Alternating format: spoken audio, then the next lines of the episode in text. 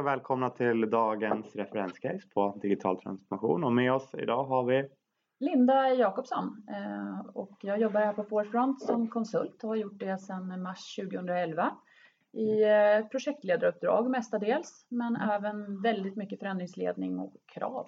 Ja, Ja, det är bra, du ligger före min mina frågelista där. Vi hade någon kom berätta om dig själv där så det är ju strålande. Och är det podcastdebut för dig också? Ja, det kan man väl säga att det är. Ja, i alla fall som medverkande. I alla fall på den här sidan. Ja. Ja, vad kul. Ja, det, det, det är inte så vanligt, man kommer in i det ganska fort. Uh -huh. och eh, vi vill ju träffa dig särskilt idag för att berätta om ditt projekt kring den här webbfabriken på eh, Svensk Filmindustri, eller vad SF? SFBio, förlåt. förlåt. SFBio. Blandar ofta ihop de där två. Det är ganska att, lätt hänt. Det finns ju flera SF-bolag och vi har ju två av dem som kunder, både Svensk Filmproduktion och SFBio. Då. Berätta lite kort om eh, mål och syfte bakom projektet, den här mm. webbfabriken. Eh, jag kom till SFBio i maj förra året, alltså 2014. Mm. Yeah. Och eh, ingången till det uppdraget var att man hade ett antal förstudier och kommande projekt inom webbområdet. Mm. Och det är ett område jag har jobbat med eh, utveckling och drivit eh, förändringsarbeten och projekt under ganska många år. Och det var väl lämpligt då tyckte man att, att få in en, en rutinerad projektledare där för att styra upp och få lite struktur på helheten där. För man är en ganska slimmad organisation och hade inte tillräckligt med resurser för att egentligen driva alla projekt som verksamheten tryckte på med. Till saken hörde också att vid den tidpunkten så var man ganska nyligen uppköpta utav ett riskkapitalbolag som heter Ratos mm. till ungefär 60 procent. För det är traditionellt sett ett gammalt Bonnierbolag, SF Bio, mm. som samtliga av de här SF-bolagen, SF eh, Produktion och SF Media som då är annonsförsäljningsbolag då. Eh, vid den här tidpunkten så hade man också blivit en koncern, väldigt ung sådan, Nordic Cinema Group, NCG, som man inte riktigt visste vad det, vad det skulle innebära för verksamheten, för man hade ingen koncernstab och man hade egentligen inte en organisation på mer än på pappret för det här.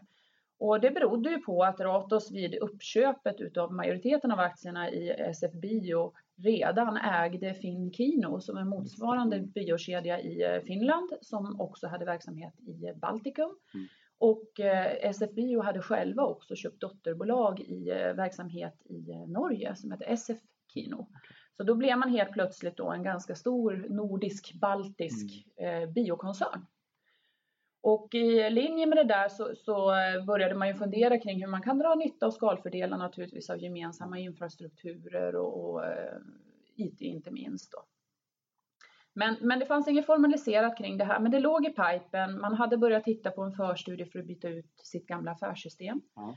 Och då hade man tittat på övriga marknader, övriga eh, bolag inom NCG, eh, Nordic Cinema Group då, om eh, det fanns ett befintligt affärssystem som skulle kunna passa för samtliga dotterbolag. Mm, och det hittade man inte. Så man har börjat titta på ett helt nytt. Och då kom ju även eh, frågan kring det här med hur ska vi göra med vår webbplattform och vår onlineförsäljning utav eh, biobiljetter då på sikt. Så den frågan kom in från sidan, så den låg lite grann och puttrade i, i, i samband med att jag fick mitt uppdrag att hantera då mera utav det löpande förändringar och förbättringar i sfbio.se som är den stora mm. plattformen men även för dotterbolagen. Det låter som ett ganska brett uppdrag med alltså som du sa, både, både det löpande men också hur, hur matchar webb ihop med förändringarna som kommer? Var det, mm. Är det mm. någon sammanfattning av det?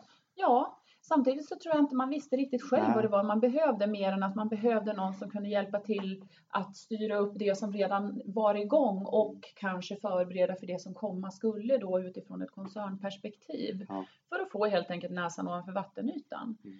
Och det där tycker jag är någonting man ser hos många kunder som går igenom stora förändringsprocesser som i många fall innebär stora förändringar på deras IT-infrastruktur och också processer och affärsmodeller. Ja. Att man inte riktigt vet var man kommer att hamna men att man behöver hjälp att hålla näsan ovanför vattenytan. Ja. Det finns så mycket möjligheter i det här också. Absolut, ja, vad spännande. Om man, eh, tror vi fått bakgrunden och det är ganska bra. Om vi, vad, vad konkret, vad gjorde du om du ska beskriva vissa nyckelaktiviteter. Mm. Det jag gjorde när jag kom in där det var ju att konstatera att mycket av det som man drev i projektform var egentligen lite för litet för att drivas med den extra overhead som mm. ett projekt faktiskt innebär. det som händer när man sätter upp ett projekt är ju att man tillsätter en temporär organisation för att leverera ett resultat som sen vid en tidpunkt ska lämnas över i någon slags löpande linjeverksamhet i förvaltning. Och hela det här projektleveranstänket bygger ju på att man gör en engångsinsats av förändring som man behöver specialistkompetens för att kunna bygga upp och få i drift och sen så är det klart och så går man tillbaka till någon slags normal ja. verksamhet. Och med den enorma förändringstakt som vi ser ute i företagen idag så är, skulle jag vilja säga, projektformen kanske inte den mest relevanta modellen att leverera förändringar på. Man pratar ju väldigt mycket lean, man pratar mycket agilt, man pratar ständiga förbättringar, man pratar puls idag när det gäller förändringar och leverans av förändringar.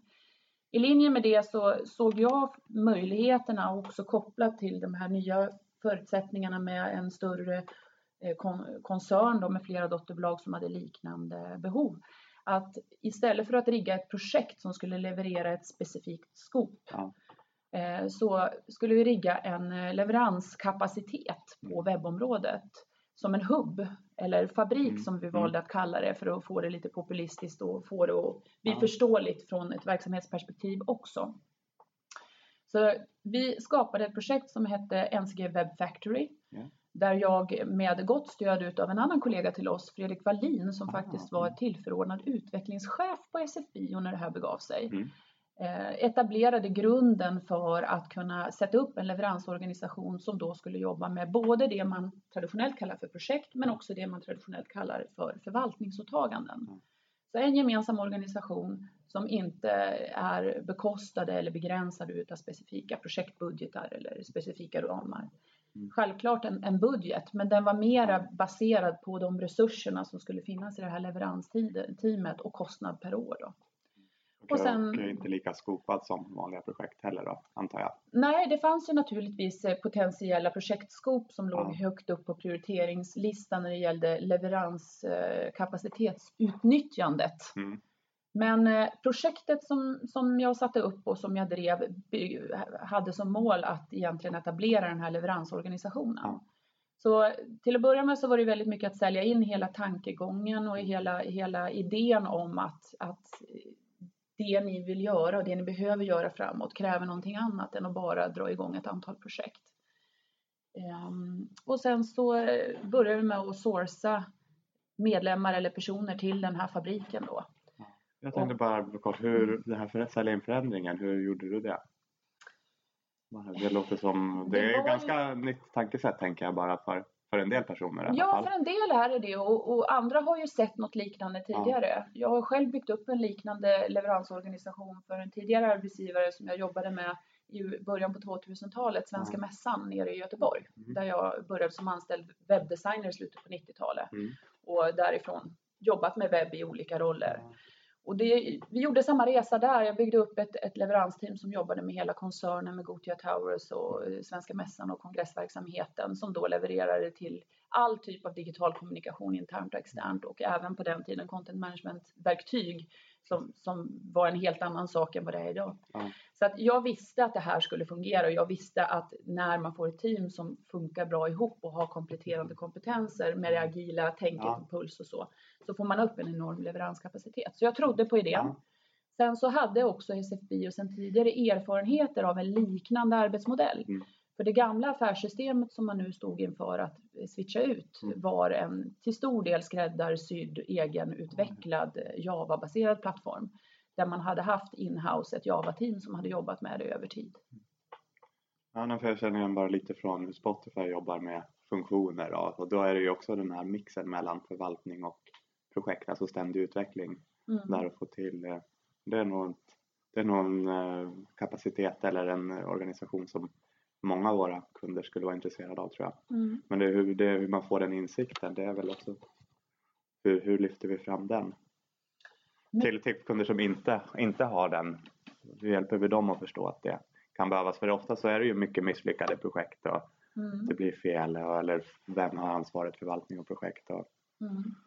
Man ser behovet. Jag tror att det är väldigt mycket den gamla sanningen av att prata till bundet på bunders vis. Det är någonting som jag och, och, i alla fall en handfull kollegor många gånger pratar om kring det här med språket. Ja.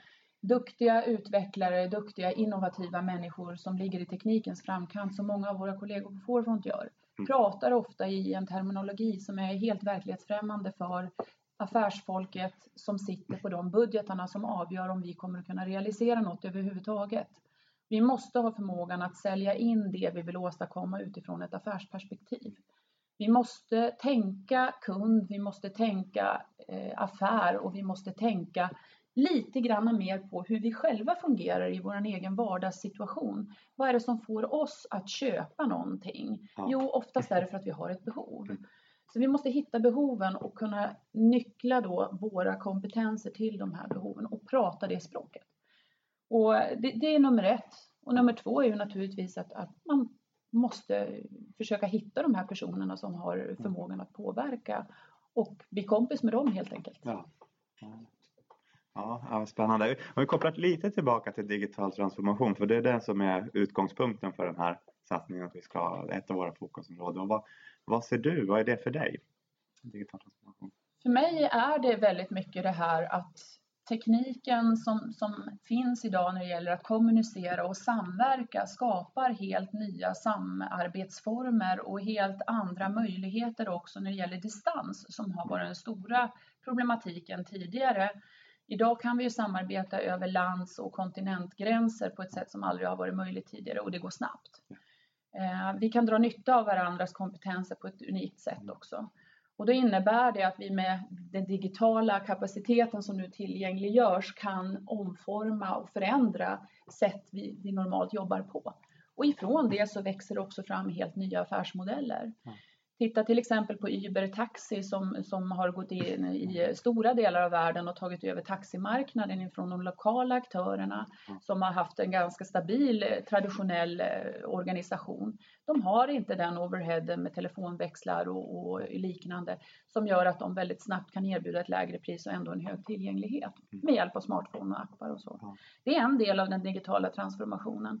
Men den stora delen som jag tycker att man många gånger glömmer bort det är ju att för att de här förändringarna överhuvudtaget ska kunna åstadkommas så är det människorna som är en del av den här nya arkitekturen eller den här nya eh, modellen då som man vill etablera som eh, avgör om man kommer att lyckas. Och där är ju det gamla vanliga med mänskligt beteende som jag ofta tjatar om att vi köper inte nya saker rakt av. Vi vill för det första köpa det utifrån vårt perspektiv och sen vänja oss vid det innan vi eh, applicerar ett nytt beteende. Så det tar tid, digital transformation, och det är mest människor det egentligen handlar om som måste förändras med hjälp av stöd av den digitala möjligheten. Det, ja. det är väl lite grann vad jag ja, ser. Det var ganska mycket essensen av vad vi på Forefront när vi talar om det också, för då brukar vi ju försöka, bara för att få lite struktur, dela in de här tre delarna, liksom customer experience och du gillar ju inte eller engelska mm. begrepp, men kund kundupplevelser av det. Är många kunder vi har som har engelska som koncernspråk. Precis, och operational eh, process eller excellence då, vad vi nu säger för det på svenska. Men, eh, operationella färdigheter och, och affärsmodell. Och egentligen vad jag tycker du nämner alla tre där just från ja, men, kunden man möter och beteendesperspektiv. Och, men vad, när du var med på SF där, var det något du kände att liksom, tänker man så att ja, men det här, nu är jag med och faktiskt transformerar, gör en sån stor digital transformation? Att det är... Jag tror inte att man är medveten Nej. om det när man är mitt uppe i det. Nej. Det är ett fåtal människor som driver förändringsarbetet som på något sätt ändå inser att det här kommer att leda till en ganska stor förändring. Mm. Men har man varit med ett tag och just det här kopplat till mänskligt beteende så vet man det också att man kommer inte kunna måla upp den stora bilden Nej. initialt för då kommer de människorna som inte ser detta att bli rädda. Ja. Och då riskerar man att riska alltihopa för man kommer inte vidare. Mm. Så det är lite baby steps eh, ja. rent operativt, men rent strategiskt så bör man ha någon typ av the big picture bakom mm. sig. Ha? Engelska? Ha? Ja, du ser. Jag tänker på, på slutet där, hade ni någon retrospektiv då man tog de lärdomarna och visade på att men vad har vi? För det är väl också rätt mycket av det här agila, att man återkopplar? Nej, faktiskt inte riktigt på det sättet. För det, det, det, går också lite grann an, eh, slår också an till det här traditionella sättet att bedriva en förändring. Du planerar ja, för någonting, du genomför det och sen har du gjort det. Mm. Så kan du se tillbaka på vad du har gjort och så tar du nästa sak. Mm. I det här perspektivet så var det redan från början tanken att det här leveransteamet skulle riggas enligt agila principer och förhållningssätt. Ja. Och i det så ligger det ständiga förbättringar, ständiga återblickar Mm. och ständigt små, små förändringar som sker i det arbetssätt man etablerar från början. Så att det blev en väldigt naturlig cykel utav så att säga leverans, ständig förbättring i det här projektet tills man kom till en punkt som inte från, för, från början egentligen var satt. Nej. När vi har uppnått ett tillräckligt stort, eh, bra resultat för att stänga projektet. För i det här fallet var ju projektet att etablera den här leveransförmågan och få dem att springa i verksamheten och få dem att komma igång. Och vi visste ju inte egentligen när den tidpunkten skulle inträffa. Men det blev ganska uppenbart för alla när tidpunkten väl inträffade att nu stänger vi det här produ- pro- projektet då som heter NCG Web Factory. Det låter ju väldigt viktigt att beställaren har förståelse då för, eh, som du sa, behoven och, och för att kunna beställa ett sådant projekt.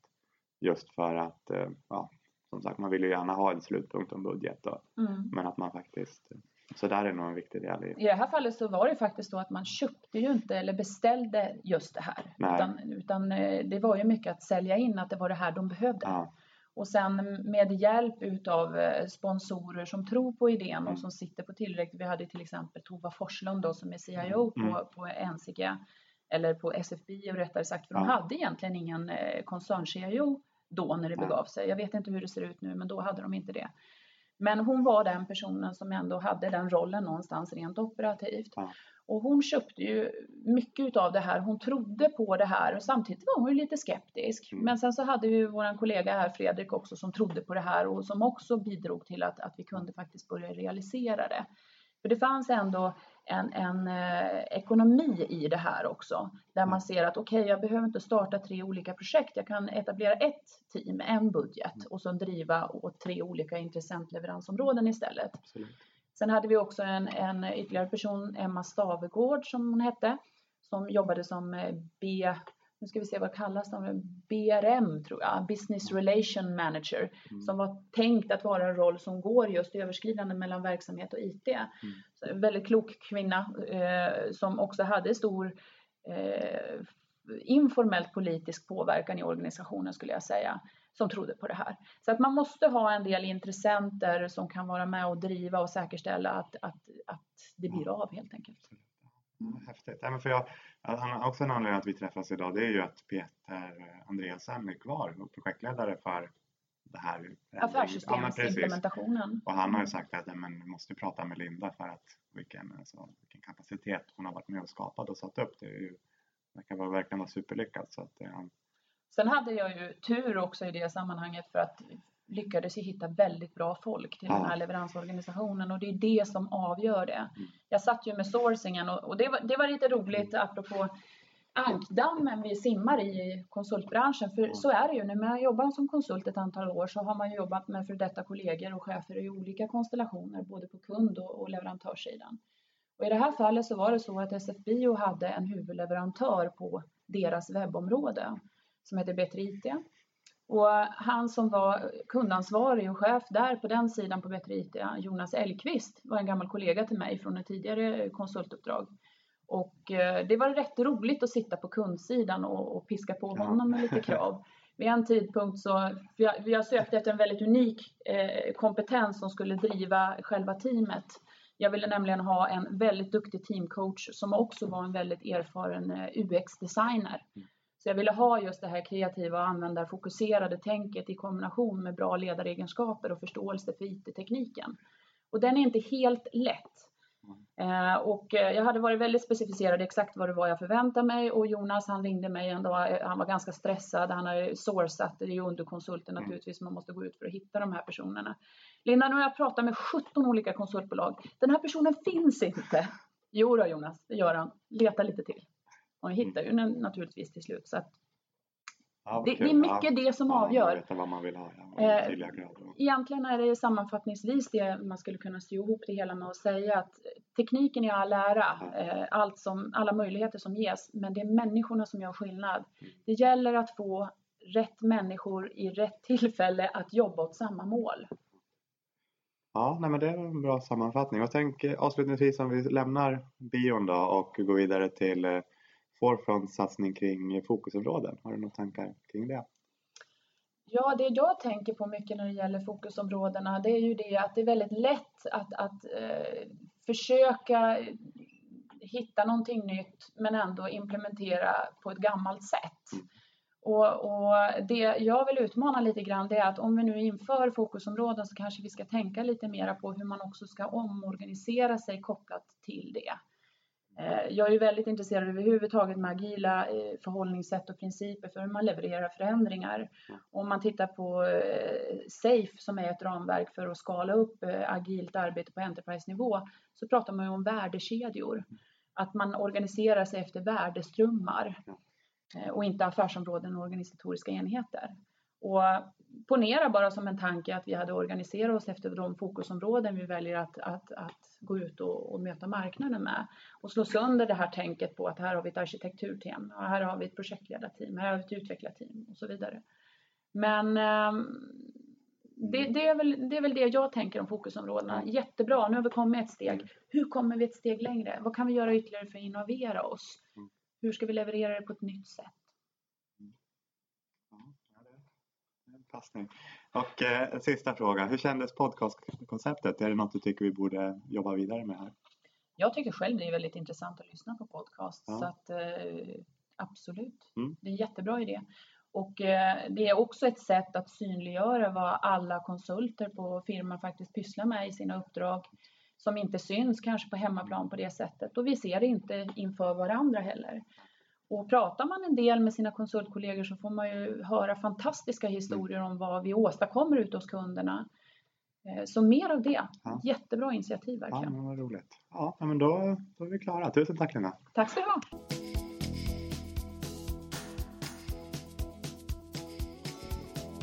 Ja, vad kul det var att prata med Linda. Hon har ju fantastiskt mycket spännande att säga. För er som inte känner igen min röst så heter ju jag som håller intervjun Marcus Smed. Och eh, jag gör det här som en sista del inom eh, Generation-programmet där jag går G2. Och eh, har ett ansvarsuppdrag inom digital transformation. Så jag hoppas ju såklart att det är fler som vill vara med och berätta vad vi gör för spännande saker ute hos våra kunder. Helst med fokus till, de här, till den digitala transformationen men ja, egentligen så tycker jag att det viktigaste är att vi får ut kunskapen så mycket som möjligt i bolaget. Slutligen vill jag passa på att önska alla en riktigt, riktigt trevlig sommar